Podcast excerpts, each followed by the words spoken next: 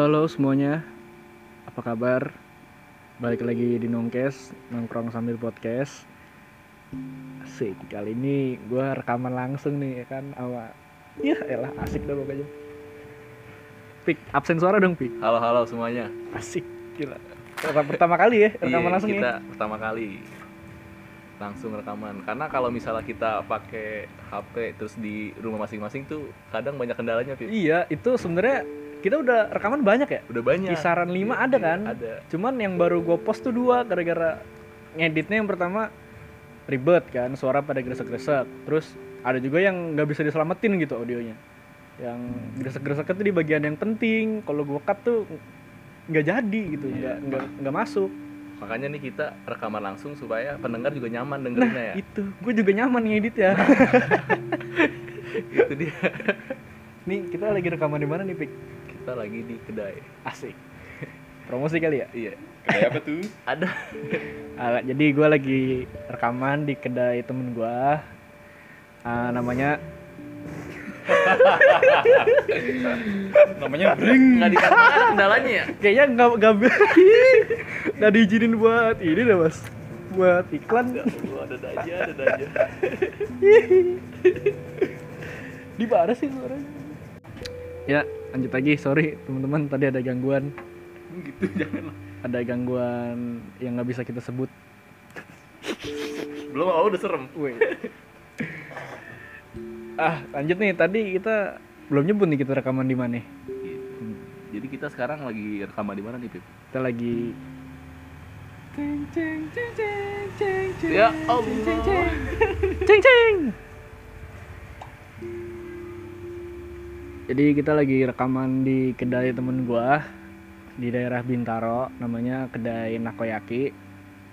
Eh, bisa cek instagramnya aja di kedai dot nakoyaki dot apa underscore mas? Dot. dot. Bener kedai dot nakoyaki tuh buat temen-temen yang mau nyari makanan ala ala Jepang murah kan bisa aja mampir di perumahan Pondok Jaya.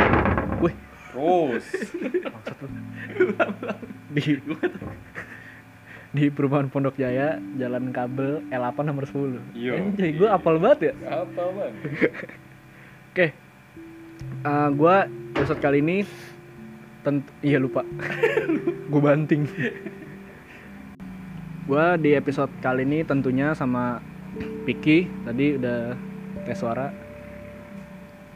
Eh, Sama owner anjay Halo. owner dari kedai Nakoyaki Mas Yoko yang waktu itu ngisi di episode pertama episode pertama yang dua part tuh yang cerita tentang apa temen Temen indinya. temen indi. Indie. indigo.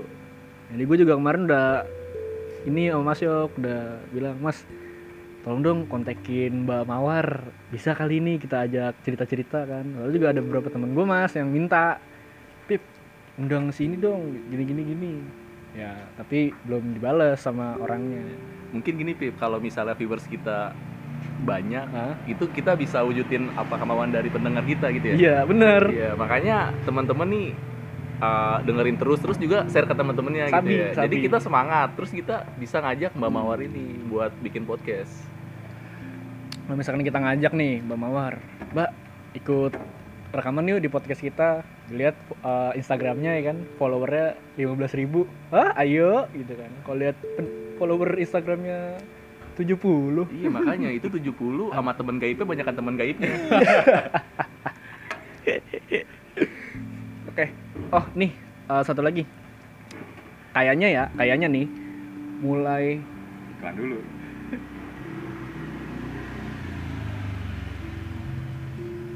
Kayak ini ya mulai episode kali ini uh, gue sama Vicky fix buat bikin apa namanya segmen segmen horor yang gue upload setiap malam Jumat. Itu namanya adalah nongkrong horor. Mulai episode ini kayaknya. Tuh gue bikin karena yang pertama engagement orang Indonesia terhadap horor kan masih tinggi banget kan. Udah gitu topik kita kan tentang tongkrongan. Nah tongkrongan juga kan sering banget kan cerita-cerita horor makanya kita bikin. Tuh. Nah jadi di segmen nongkrong horor ini ya kita ngobrolin segala sesuatu yang berbau dengan horor tentunya horor mistis atau apalah. Teman-teman yang mau berkontribusi dalam dalam e- dalam segmen nongkrong horor ini bisa kirim cerita kita lewat DM ataupun email bisa berbentuk voice note ataupun teks lebih enaknya sih bentuk teks ya jadi kita bisa bacain kita ceritain habis itu kita gibahin Tapi kalau misalnya teman-teman juga mau ikutan rekaman, Ah, bisa juga. bener, Sabi. Iya, karena kan kita juga sekarang udah mulai bisa untuk kumpul tapi tetap jaga jarak juga. ya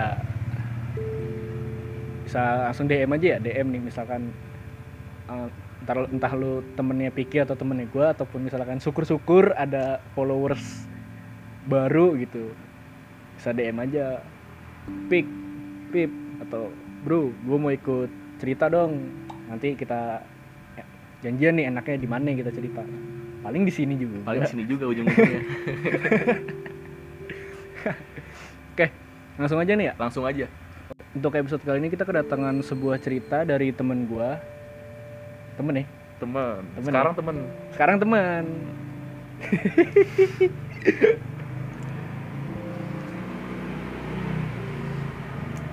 Tapi kalau misalkan mantan kan konotasinya tuh jelek Iya, gitu. benar. Lagi pula kan gue sekarang masih temenan, temenan Iya. baik gitu. Jangan habis putus hilang, habis putus nyindir-nyindir di Instagram, jangan lah. Oke. Anjing Banyak. motor lewat bolak balik mulu ya? Ini giliran kita belum rekaman kagak ada yang lewat. Apa dia pada nunggu depan gang ya? Nih orang udah rekaman nih. Jangan-jangan. Jangan-jangan itu bukan orang. Waduh, Gua. dah nggak usah kalah, nggak masuk.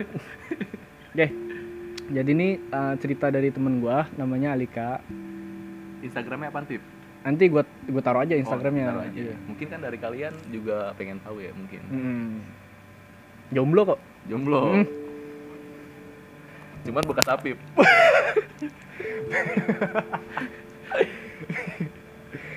Bacot lu ya.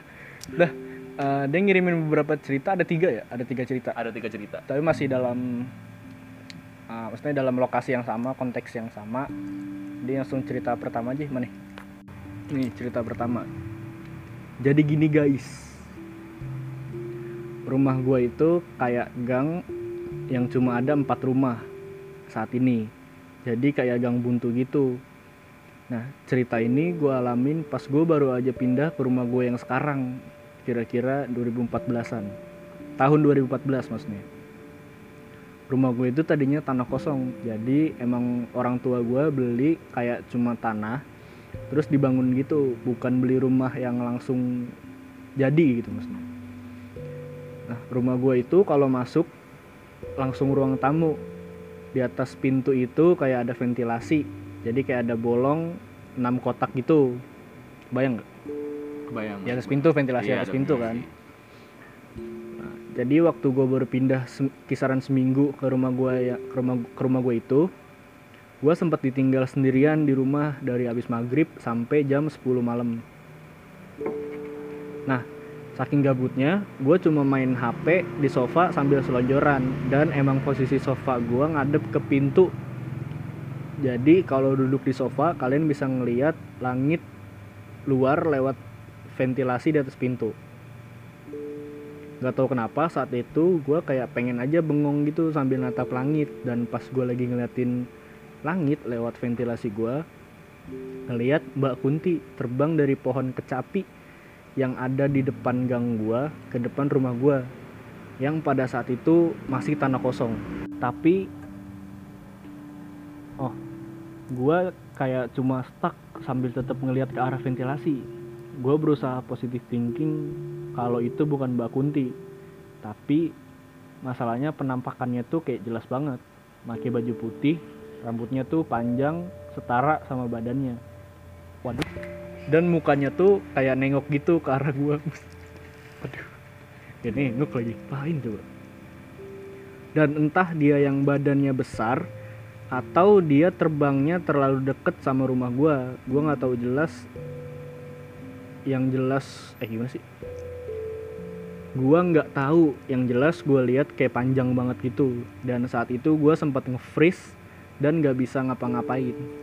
Akhirnya setelah seminggu gua cerita sama tangga gua. Katanya emang rumah gua itu dulunya kayak tempat si Kunti berpindah-pindah dari pohon kecapi di depan gang anjing.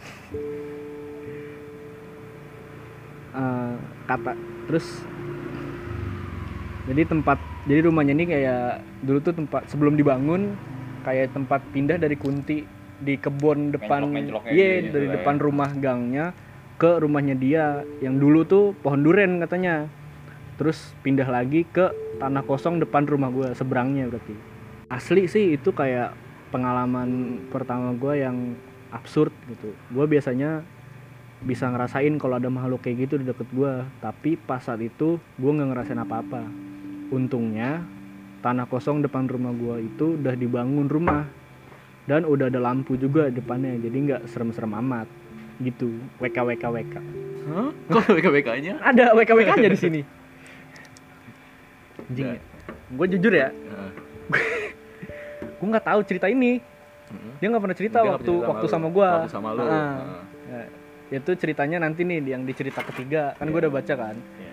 cerita ketiga tuh dia udah pernah cerita ke gua Nah, setelah dia cerita itu ke gua nih waktu itu gua kalau ke rumah dia sugesipik emang jadi rumahnya gimana ya gang gang buntu Heeh. ibaratkan satu jalan nih Iya. di sebelah kanan itu gang rumahnya dia kirinya itu masih kebun Heeh. kebun itu luas deh kayaknya seingat gua jadi emang sugesti gitu gua kalau balik kan harus madep kebun dulu kan kalau Iya, mau ke arah jalan iya. sebelum ke kiri itu gue suges aja anjing kayak aduh ada nggak ada nggak nih Jadi Mana? jadi emang suasana wilayah rumahnya emang juga serem banget. gitu. Mm-mm, tapi Masih, sekarang- apa namanya kebun-kebun gitu. Ya, jadi sekarang tapi sekarang sih udah terang. Udah terang. Udah terang. Udah tadi kan dia cerita di tahun 2014 kan rumahnya masih empat tuh di gangnya. Mhm. Sekarang udah udah banyak kan, udah udah penuh. Jadi gangnya itu udah penuh. Iya. Udah nggak ada tanah kosong lagi. Apa namanya kalau gua gua gua gue yakin nih si apa namanya bokapnya dia itu nggak ngerokok Pip. Kenapa nggak ngerokok? Soalnya kan tadi kan si Alika tuh ngelihat ke uh, duduk di sofa terus ngeliat ke, ke apa namanya ventilasinya ya. Ah. Kan kalau misalnya bokap-bokap ngerokok kan dia tuh pasti naruh bungkus rokok di ventilasi. nah, coba kalau misalnya bokap dia ngerokok, pasti dia nggak bakal ngelihat kunti. Oh, karena karena bungkus rokok. ketutup bungkus rokok. gue ngerti gue ngerti iya ada ada temen gue ada gitu. kan ada gitu. ada. Iya. Aduh, makanya ngerokok tuh ada manfaatnya juga ya. Ah. Buat menghindari hal-hal gaib.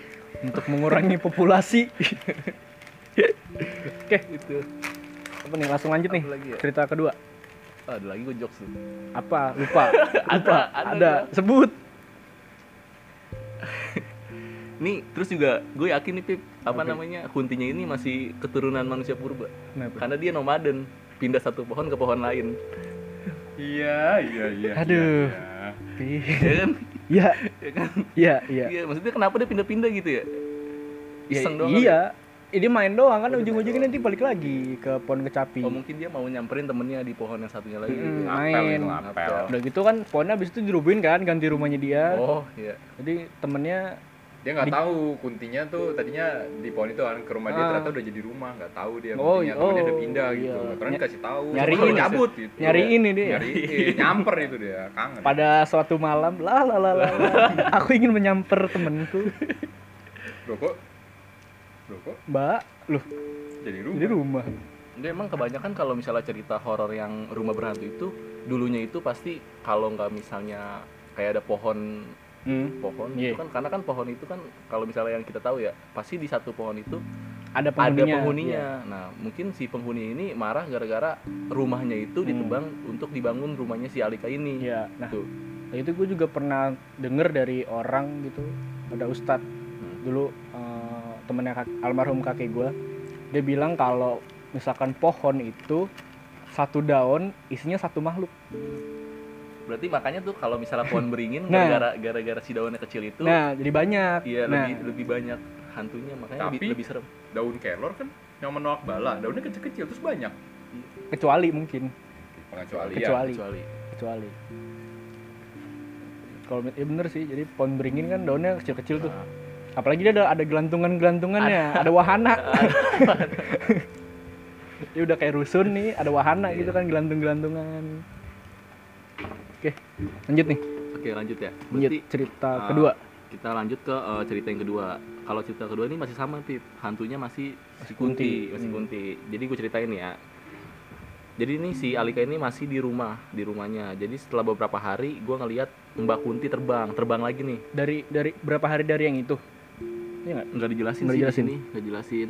Terus nih, terus gue juga sempet ngelihat makhluk yang menyerupai mamah gue. Jadi ada makhluk yang menyerupai mamahnya. hmm. Ya. Terus jadi ceritanya gini gue baru bangun sekitar jam setengah lima pagi. Saat itu kasur gue tuh masih kasur lantai dan memang gue tidur dengan mengarah ke pintu. Gue bangun pintu kamar gue tuh udah kebuka sepertiganya lah.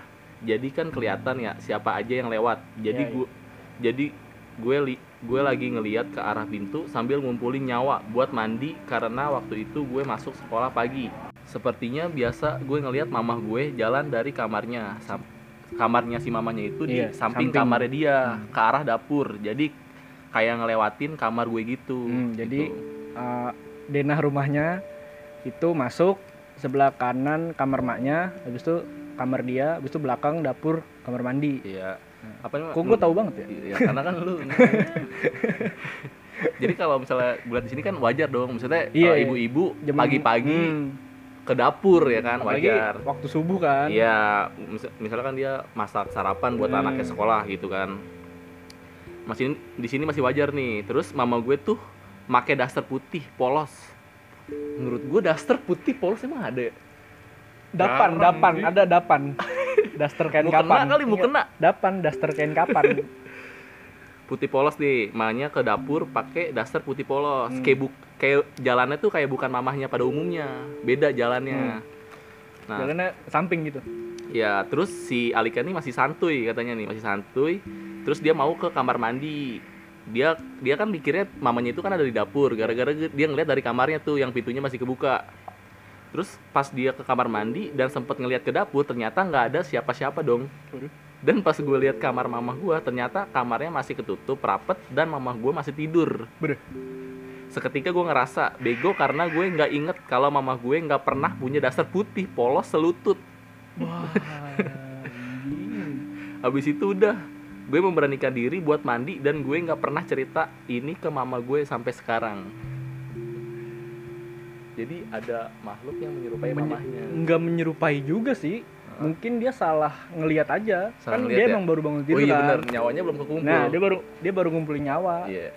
pintu kebuka baru sepertiga itu nggak nggak menyerupai sih kayaknya dia emang emang iseng aja Emang- lewat iya.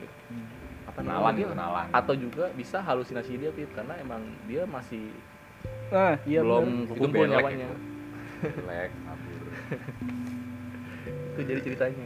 Menurut lu kalau misalnya dibandingin cerita pertama sama cerita kedua serem mana yang mana? dua Kedua ya? karena yang pertama posisinya lebih deket dong Heeh. otomatis Iya. udah gitu bener-bener kayak apa ya kayak nunjukin gitu gak sih kalau misalkan yang pertama kan let's say kita anggap si Mbak Kunti itu nggak sengaja Mm. nggak sengaja kelihatan sama si Iya. Alika karena dia terbang kan kalau ini dia benar-benar jalan di rumahnya gitu loh benar jalan udah gitu jalannya nggak biasa lagi kayak gimana Iya. jalannya ya? Kalau mama biasa kan jalan ya, ya jalan gitu Jalan. dia dia bilang jalannya kayak enggak kayak bukan jalan maknya dia gitu. Ngengkang kali jalannya. mundur kali jalannya ya Anjing moonwalk. Terus kalau yang kata pertama juga kan dia emang bener-bener ngeliat si hantunya kan. Nah kalau Ah. yang kedua itu dia pertamanya itu kan ngeliat mamanya, otomatis Hmm. dia masih positif dong. Ya, ah mamanya bener. di dapur. Ya udah dia memberanikan diri untuk ke kamar mandi. Yang bukan memberanikan diri emang emang enggak- emang dia mau mau mandi kan? emang mau mikir apa apa juga Emang iya. Iya. Habis itu dia mandi, ternyata kagak ada mamanya. Nah, baru kan situ justru lebih serem iya, ya kan? iya. gue gue juga beberapa waktu yang lalu gue dengar podcast horor kan Ah. ada ceritanya sama kayak gini juga intinya ada yang menyerupai terus ketika lu tengok nggak ada nih kalau lu ya lebih serem pas lu tengok nggak ada atau pas tengok masih ada Mending Jadi- nggak ada sih. iya kan Kata gue Gua mending nggak ada iya. sih. jadi kalau misalkan lu misalkan nih eh, kayak tadi dia ke dapur ternyata ada maknya yang pakai pakai daster putih gitu kan dia kamar mandi pas keluar makanya tiba-tiba baru keluar kamar tengok dapur masih ada Wah, Mending gak ada apa-apa sih udah. mending nggak ada kan Udah men- mending gak usah ada emaknya udah. Ribet aja. lagi itu dong temen gue itu si Bratapik Mm-mm. waktu kita teleponan tuh yang malam Iya. yang berempat dia dia bilang mending ada kan Iya, Mm, inget nggak lu gue nggak ngerti tuh dia kenapa bilang mending ada Ah, opini orang. iya sih beda tapi beda kan Hmm, kalau misalkan ada udah gitu kalau misalnya benar-benar menyerupai kayak lu ngelihat orang yang sama ada dua anjing bingung gak sih Itu kayak cerita temen gue sih. Yang Jadi temen gue ini namanya Asa. Hmm.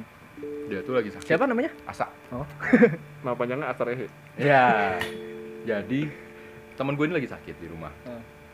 Dia emang bisa ngeliat gitu lah, harusnya kayak gitu. Terus eh, dia di rumah, terus teman-temannya tuh eh kayak apa ya? Eh, biasa aja gitu. Jadi pas Asa di rumah nih temennya tuh ada Asa juga di situ. Ngerti gak lo? Gimana gimana Jadi Asanya yang sebenarnya tuh lagi sakit Heeh. di rumah. Heeh.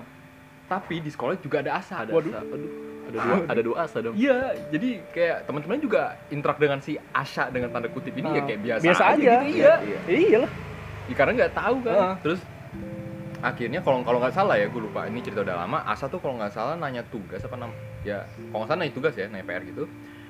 Dia nanya lah, terus temennya jawab, lalu kan bukannya tadi masuk, Ah, lah gue aja sakit.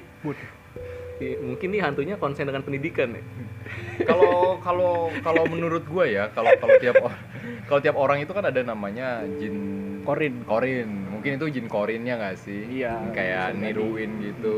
tapi urusannya apa ya jaga sekolah mau nanya mau ini nyatet ya tiba-tiba siapa tahu kan Siapa si tahu. Asa nih di rumah ketinggalan catatan tiba-tiba pas dibalik Hah? Oh, udah full. kok ada Ya udah bodoh. tapi kayaknya si hantunya ini masuknya juga bukan pas lagi kelas agama kayaknya Pa- pa- panas panas eh tadi kan eh, lu sempet ini juga mas ya sempet sebelum kita rekaman nih lu Hmm. cerita kalau ada hantu yang itu saking kuatnya bisa niruin bacaan-bacaan Oh iya. Al-Quran kan Iya. gue eh, temen gue pernah bilang gini mas jadi sebenarnya kalau ada hantu yang niruin bacaan Hmm. kita dia itu sebenarnya kepanasan Cuma ditahan. cuma ditahan dan bentuk fightnya dia itu adalah dengan baca supaya kita lebih takut Oh. Hmm. Jadi dengan dia takut kayak dia punya kekuatan eh dengan orang yang ditakut-takutin itu Ah. takut,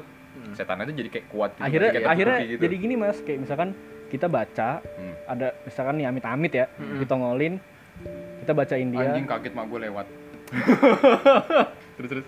misalkan amit-amit nih kita ditongolin terus kita baca-baca nih ke dia ayat Hmm. kursi lah apa Nah, misalkan dia ngikutin nih nah kalau dia diem aja walaupun dia tahan kalau dia diem aja tuh kita malah lanjut baca dong tapi kalau misalkan dia coba lawan dengan baca balik kita malah jadi anjir malah jadi berhenti jadi jiper gitu. gitu. Ya, jadi akhirnya dia mending tahan dikit tapi akhirnya bisa gangguin lagi Ah, gitu Oh ya. berarti oke. dia adu mental ya iya adu mental Aduh kuat-kuatan. iya nahan dulu dia apa namanya terus juga gue kayak pernah denger gitu jadi kalau misalnya hantu dia nampakin dirinya dia itu justru sial di hantunya Hmm. dan jadi tuh hantu kalau yang gue pernah denger nih hantu itu kayak punya seratanya gitu ada yang lebih tinggi hantu yang lebih tinggi Iya, dia iya, tahu gue. dan dia tuh punya ya anak buah lah Iya. omongannya terus kalau misalnya dia anak buahnya itu kelihatan sama manusia atau nampakin diri itu justru Dimarahin. dimarahin dan dihukum sama si atasan hantunya Iya, itu ah.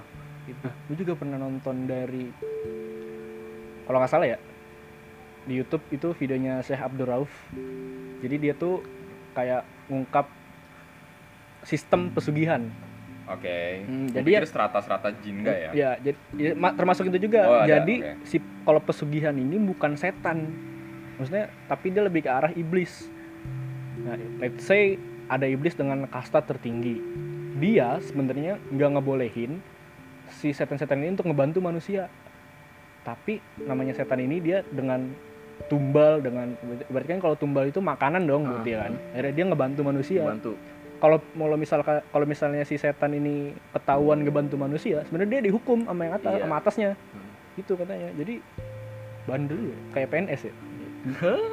Menerima sogokan. Apa sih namanya? Eh, ya kalau sogokan itu? Suap. Ada lagi apa ya namanya ya? Ah, nepotisme. Bukan. Apa? Apa ya? Apa ya namanya? Ya ya ya gue ada lagi mas tapi gue lupa anjir. Ya udah itulah ya udahlah Iya, pokoknya itulah. iya. lanjut cerita ketiga kan nih? Lanjut. Sabi. Sama gue ya? Iya. Lalu, cerita ketiga.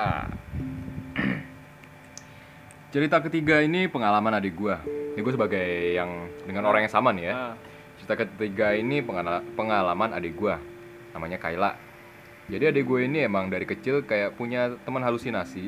Oh iya. Jadi dari kecil dia sering ngobrol sama orang yang kita nggak bisa lihat. Kita nggak pernah sadar kalau dia mungkin sedikit punya kemampuan buat ngelihat dunia lain itu. Nah waktu itu gue kelas 11 dan Kayla kelas 8 saat itu gue lagi ikut OSIS dan mau ada acara Kartinian. Hmm. gue kedapatan beli balon. Gue janjian tuh sama temen gue buat beli balon di deket rumah jadi waktu itu emang kita lagi ditinggal berdua doang di rumah. Tapi karena gue pikir gue bakal keluar sebentar ya udahlah gue tinggal dia sendiri di rumah. Pas pulangnya gue diomelin sama orang tua gue karena ninggal dia sendiri. Pas gue tanya kenapa diceritain. Pas gue pergi beli balon itu kalau nggak salah sekitar jam setengah enam sore gue lama gue jalan listrik di rumah tuh ternyata mati. Dan apesnya adik gue semua tetangga gue pada kerja dan Hmm. gak ada Oh. gak ada yang di rumah Sepi da- dong ya, ah, jadi lingkungannya. adik gue tuh apa ya sendiri gitu loh Hmm. dan tetangga tetangga gue tuh lagi pada kerja jadi bener-bener dalam satu gang itu gak ada orang Hmm. jadi pas listrik mati, dia takut dan akhirnya milih nungguin gua di teras rumah. Dia kayak nyender gitu di pagar. iya iya Dan pagar gua itu kirinya langsung ngadep ke kebon. Adik gue cerita, katanya dia kayak berasa ada yang ngeliatin. Dan pas dia nengok, ternyata Mas Pocinki Waduh. lagi ngeliatin. Dari- kebun gitu Iya. Dan emang posisinya itu maghrib. ah Dia mendeskripsikan bentuk Mas Pocinki itu tinggi, gede, Waduh. kayaknya putih tapi kotor tanah ya. Oh, ya iya. lu ngerti lah. iya iya apa namanya stereotip Iya. Terus katanya mukanya kayak gosong gitu. Katanya di gue pas dia ngelihat Mas Pocinki ini dia kayak nge-freeze gitu. Jadi Hmm. kayak tatap-tatapan gitu. Habis itu dia sadar dan langsung nangis telepon ayah gue biar cepet pulang. Gue denger adik gue cerita jadi ngerasa bersalah banget. Akhirnya dari kejadian itu sampai sekarang gue nggak pernah ninggalin dia di rumah sendirian walaupun itu siang-siang. Untung tatapannya kosong ya si Mas Pocinki. hmm. Coba Nah, nyenger. gue gue pernah cerita mas anjir di episode yang sama temen gue tuh yang serupa tapi beda eh serupa tapi tak beda kriteria paling horor itu menurut gue kalau yang pertama dia baca tuh kita bacain dia ngikutin Itu yang paling rendah. itu yang paling enggak ada dua tuh kriteria gue yang paling serem Oke. itu yang kedua yang pertama itu kalau misalkan dia nampakin terus dia nyengir nggak tahu kenapa gue kayak serem banget anjir kalau Gua dia aja nyengir. nonton Attack on Titan ada Titan Oh. yang tiba-tiba nongol nyengir Itu- kaget itu gua. creepy banget cok. Iya. kayak apa ya? Eh, biasanya kan kalau mereka nongolin itu dan mereka nyengir biasanya nyengirnya nggak kayak manusia normal kan. Biasanya mereka lebar banget gitu kan. Dan ya ngeri anjing. Apa namanya? Makanya kan tuh kalau misalnya orang-orang tua dulu tuh selalu bilang kan kalau misalnya maghrib itu jangan keluar. Iya. cuman kan posisinya sekarang pas dicerita ini Mati lagi mati lampu, lampu, iya. nah dia keluar padahal kan kalau misalnya orang tua dulu tuh ngomong begitu supaya anaknya ya nggak keluar rumah lah tetap di Iya. rumah aja nggak ada unsur-unsur apa namanya Gaib. gaibnya Biar nakut-nakutin cuma nakut-nakutin doang, doang, ya, iya, iya. iya. bukan gara-gara nggak ada, Iya. ada corona bukan Beda, dong belum masanya itu. Belum masanya. masanya itu ya masa-masa flu burung ya sama Iya. kolor hijau Mus- Kalau Rijo pernah rame tuh dulu. Sampai lu tau gak sih di pintu-pintu di atasnya tuh naruh bambu kuning. nggak tahu Buat gua repel rumah si gua nggak rumah gua nggak kolor itu hijau di itu. Jawa bukan sih di Enggak di di Jakarta sih di Jakarta? orang ada. Jakarta ya? Iya. Iya. Ya itu katanya itu beneran gaib nggak sih ada konklusinya nggak sih Gua nggak tahu. Katanya maling sih Iya, akhirnya ketahuannya. Kayak gitu. Cuma orang sini kan pada nganggep apa apa mistis kan Jadi ngomong-ngomong kenapa maghrib itu banyak, gue pernah baca. Jadi eh gue kan muslim. Setiap waktu sholat itu ternyata eh dunia ini punya semacam spektrum warna gitu yang kita bisa serap. Nah singkat cerita, kalau maghrib itu kenapa? Kalau nggak salah ya di Al-Quran apa di hadis itu juga tertulis eh, setan jadi ujung tanduk setan itu keluar tuh pas maghrib juga. Nah eh, dengan science di kita kita kaitkan dengan science jadi pas maghrib itu spektrum warnanya kalau nggak salah Oren. oranye atau jingga Iya. atau ya merah ya pokoknya warna-warna kayak gitulah. Jadi itu waktu-waktu terkuatnya dari setan jadi kayak gitu. Terus juga kan ada orang tua juga ngomong apa sih ada pepatah gitu kan maksudnya omong, orang omongan orang tua tuh doa Iya. dengan cerita ini emang bener sih kan orang tua bilang kan jangan Jangan keluar pas maghrib. maghrib. Hmm. iya nanti diculik kolong wewe Nah. nah gitu kan dengan iya, dengan cerita ini bener ternyata pepatah yang ngomong doa eh apa namanya omongan orang tua adalah doa Berarti waktu itu si Alika kan kelas 11 ya. Adiknya itu berarti kelas kelas 8 8. Ada kan di situ ya? Ada. Ada. Kelas 8, dulu masih kelas 8 li- lihat begitu ya cewek lagi. Iya. Ya nangis lah. Hmm. berarti nih eh, di cerita ini adanya itu belum sadar ya kalau misalnya dia itu bisa ngelihat ya Mm-mm. iya Jadi namanya uh, anak kecil juga Ah, kan sering punya temen khayalan gitu kan. Iya. Adik gue juga gitu Pik, Hmm. dulu. Hmm. Pokoknya dulu adik gue tuh sering banget ngobrol di apa ya? Pokoknya di sesuatu yang bisa dibuka nih misalkan kayak lemari, kulkas, atau laci. Dia buka itu lemari, kulkas atau laci itu, itu dia ngobrol, ngobrol sendiri. Ngobrol sendiri. Nah, katanya tuh dulu pokoknya adik gue sempat nyebut namanya kan, cuman namanya tuh kayak bukan nama-nama orang Indonesia, iya. Nama kayak nama-nama orang luar lah. Hmm. karena di waktu ada ustadz dari almarhum kakek gue udah bener emang adek gue waktu itu ngobrol sama begituan. Nah udah gitu ini ya kayak tadi misalkan tuh dia diliatin ngelihat pocong nih di apa di kebun untung gak disamperin loh sama pocongnya gue pernah denger gue pernah denger cerita nih jadi dia lagi jalan dari Wah, rumahnya masih di kampung, masih di kampung lah, si kebun-kebun gitu. Dia balik kerja jam malam sih, jam sebelasan atau jam berapa gitu. Nah, dia diikutin sama sosok Mbak Kunti. Diikutin, nah, di- diikutin, digangguin, diketawa-tawain lah gitulah. Pas dia nyampe deket rumahnya, si Mbak Kunti ini berhenti.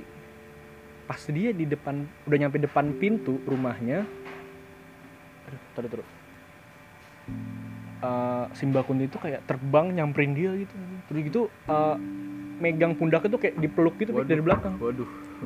Udah Kalau gitu iya. untung eh, si bapaknya dia ini bisa kan maksudnya dalam artian bisa ngurus-ngurus hal kayak gitulah Iya. jadi di langsung dipanggil bapaknya digedor- digedor-gedor kan orang rumah tuh selain bapaknya nggak ada yang ngeliat kalau dia dipeluk dari belakang Iya. gitu Nah, bapaknya langsung di iniin apa pergi kamu bukan tandingan dia kamu lawannya saya gitu. Waduh. oh pantesan kalau misalnya ada tuh kalau misalnya kita lehernya itu berat ya? Lehernya Hmm, berat. Hmm. nah itu kan kalau misalnya orang dulu bilangnya oh tuh lagi gendong setan. Iya. nah mungkin in, itu iya bener. Jadi tapi dia bukan digendong gitu Pik, kayak dipeluk dari dipeluk. belakang gitu. Hmm, kalau misalkan untung ya tuh adanya Alika nggak disamperin gitu. Kalau disamperin kayak gitu wah. Iya makanya. Kalau lebih serem sih ya itu juga serem sih. Serem, di- di- serem. di- iya. Cuman kalau lebih serem ya diikutin disamperin. Iya. Maksud emang depan rumahnya dia tuh gelap banget ini. Kalau nggak ada lampu tuh bener-bener nggak ya gelap banget. Itu kebun tuh masih ya si kebun luas nggak ada penerangan. Iya apa namanya kan kalau misalnya hantu itu kan suka di tempat yang gelap dan lembab. Nah lagi tuh kebun kan. Lembab juga gara-gara embun Hmm. bisa tanah basah. Ya udah emang tempatnya dia berarti itu kan ya oke. Ada pohon juga ya? Hah? ada pohon juga. Di mana? Di, di kebun. Ya iyalah. Terus kebun apa kalau nggak pohon? Iya. Bubun. empang. Ini namanya kebun ya ada pohon lah. Udah nih segitu aja dulu kali ya buat episode kali ini. Iya. Nah, kita mau ngingetin lagi buat temen-temen yang mau cerita bisa langsung kirim DM atau email ke kita di nongkes.id@gmail.com bisa berbentuk voice ataupun teks.